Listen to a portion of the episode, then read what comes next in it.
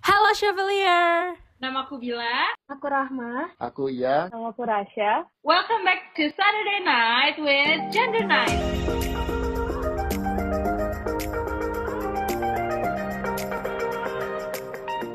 Nah, hari ini kita mau ngebahas tentang bentuk seksisme yang ada di lingkungan. Kayak bentuk-bentuk kecil tuh kayak apa sih? Bahkan sebenarnya ya, kita tuh sering kali nggak sadar kalau misalkan perbuatan kita atau perkataan kita itu termasuk tindakan sexism. Nah, hari ini kita mau ngebahas tentang itu. Pertama-tama, aku mau nanya dulu nih sama Rahma. Menurut kamu, pendapat kamu tentang hal ini kayak gimana, Rah? Menurut aku bentuk sexism itu bisa dilihat dari masa anak-anak di mana masih sering dikotak-kotakan gitu. Contohnya kalau laki-laki harus berani jatuh, berani buat kotor. Sedangkan kalau perempuan lebih dijaga sama orang tuanya. Nah, dari perlakuan orang sekitar yang seperti itu, menimbulkan stereotip bahwa perempuan lebih halus, lebih terasa, dan tidak kompetitif dibandingkan laki-laki. Sehingga ketika ada seorang perempuan yang bertindak lebih tegas, lebih kompetitif, itu jadi membuat perempuan serba salah.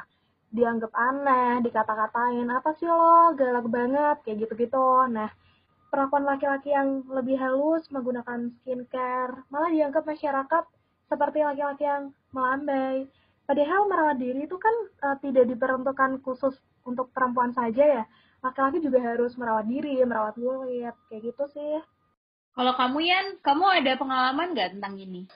Hmm, kalau aku ngelihatnya ya dalam beberapa organisasi aja contohnya itu banyak beberapa laki-laki yang merasa lebih superior dibanding dengan gender lainnya. Bukan cuma di organisasi aja sebenarnya di pekerjaan juga banyak. Banyak orang yang ditempatin nggak sesuai sama minatnya hanya karena dia itu perempuan. Contohnya, nih contohnya kayak pegawai lapangan yang kebanyakan diisi sama laki-laki dibanding sama gender lainnya. Terus juga banyak ketimpangan lain antar gender kayak urusan uh, gaji misalnya. Terus juga ada sebagian perusahaan yang sengaja menggantikan peran perempuan hanya karena perempuan itu punya beberapa persyaratan yang lebih ribet, yang lebih kompleks di kontraknya. Kayak harus memperbolehkan cuti melahirkan misalnya. Kan kalau misalnya laki-laki itu nggak ada persyaratan kayak gitu. Jadi perempuan tuh lebih spesifik gitu loh. Iya benar banget tuh kata Ian. Aku juga mau nambahin kayak kalau di lingkungan pekerjaan juga perempuan kadang-kadang suka di uh, direndahin kalau misalnya derajatnya lebih tinggi lah daripada yang laki-laki, bikin laki-laki lebih ilfeel. Dan itu pun juga ngasih banget sih, itu juga termasuk yang namanya sexism ya.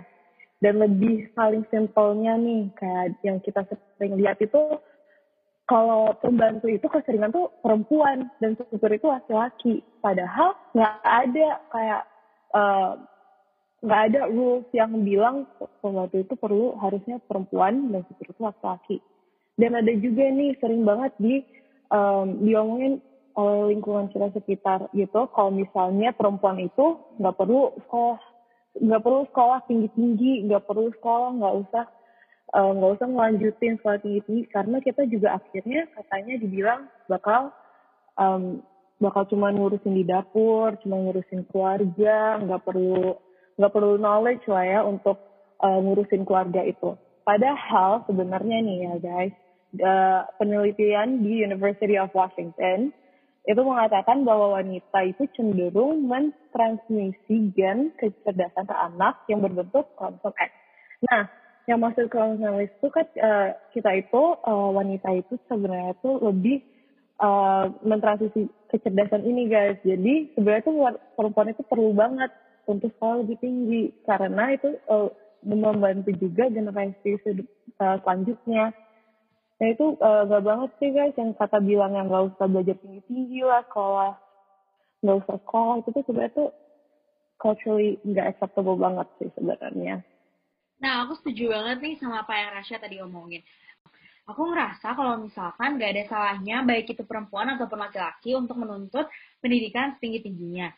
Dan aku juga ngeliat kalau misalkan kita berkeluarga nanti dan nanti kan kita juga akan kita juga akan terjun ke dunia pekerjaan kan. Jadi mau itu perempuan ataupun itu laki-laki sama-sama penting untuk um, mengejar edukasi tinggi-tingginya. Dan walaupun pilihan akhirnya itu mungkin nggak sesuai atau nggak menempuh jenjang pendidikan yang tinggi pun um, itu pilihan mereka masing-masing. Jadi seharusnya nggak ada batasan um, untuk tiap orang. Dan aku juga ngelihat harusnya nggak ada pembatas atau alasan seakan-akan tuh kayak kita nggak boleh untuk mengembangkan kualitas diri kita dengan punya ilmu yang lebih atau dengan jadi orang yang istilahnya bisa dibilang intelek. Nah, aku juga mau cerita sedikit tentang lelucon seksis. Jadi berita ini tuh aku dapetin dari tirto.id pada tanggal 26 Juni tahun 2019. Nah, di sini itu ada tentang membahas tentang penelitian berjudul Old Jokes, New Media, Online Sexism, and Constructions of Gender in Internet Memes pada tahun 2018 yang dilakukan oleh Jessica Brackett dan tiga rekannya. Mereka itu kayak menganalisis praktek pelecehan terhadap perempuan dan kelompok minoritas melalui 240 sampel yang menampilkan gambar dengan teks. Nah, melalui penelitian ini ada tiga kategori humor yang diketahui berkembang, yaitu teori superioritas, teori ketidaksesuaian dan teori pelepasan. Tapi yang perlu di-highlight dan digarisbawahi banget adalah bagian di mana ada seseorang ataupun kelompok yang membuat lelucon ini hanya untuk menjatuhkan orang lain. Jadi kayak untuk kesenangan semata untuk dirinya. Atau bisa juga dibilang ingin terlihat lebih tinggi atau lebih superior dibandingkan dengan kaum atau kelompok yang diinjaknya.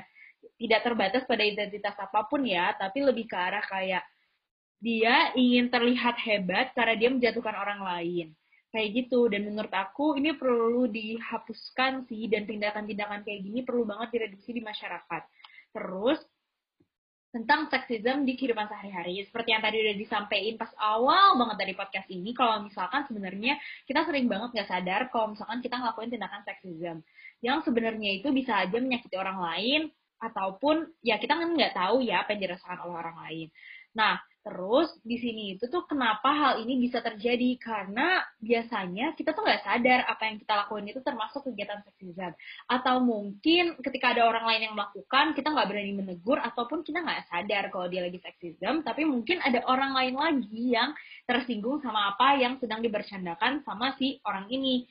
Aku sih sejujurnya kasihan sama objek-objek dari lelucon itu. Nah, Terus menurut aku penting banget buat kita untuk tahu contoh-contoh seksisme itu kayak gimana. Seperti yang teman-teman tadi udah jelasin. Ada juga beberapa kalimat-kalimat yang sebenarnya itu tuh seksis tapi orang kadang nggak sadar. Kayak misalkan bilang, lah serius kamu mau ikutan itu? Kamu kan perempuan. Serius kamu mau pakai itu? Kamu kan perempuan. Atau mungkin kayak, ih lu kan cowok, masa hujan-hujan kayak gini pakai payung, gak jantan banget sih? Kayak gitu sekedar kayak membandingkan seseorang dengan stigma yang menurut mereka itu lebih benar. Jadi aku ngeliat kalau misalkan kayak banyak banget hal yang jadi pembatas untuk kita untuk berkembang karena adanya stigma di masyarakat. Dan kalimat-kalimat kayak gitu tuh malah jadi uh, mendorong orang lain untuk jadi nggak berkembang dan istilahnya kayak kita mengekang dan mengurung dia. Jadinya orang jadi nggak berani untuk mengeksplor sesuatu karenanya adanya kalimat-kalimat ini dan kita nggak pernah tahu sama apa yang mereka rasain. Itu sih yang paling penting jadi notes untuk kita. Jadi berhati-hati dalam berbuat dan juga berucap.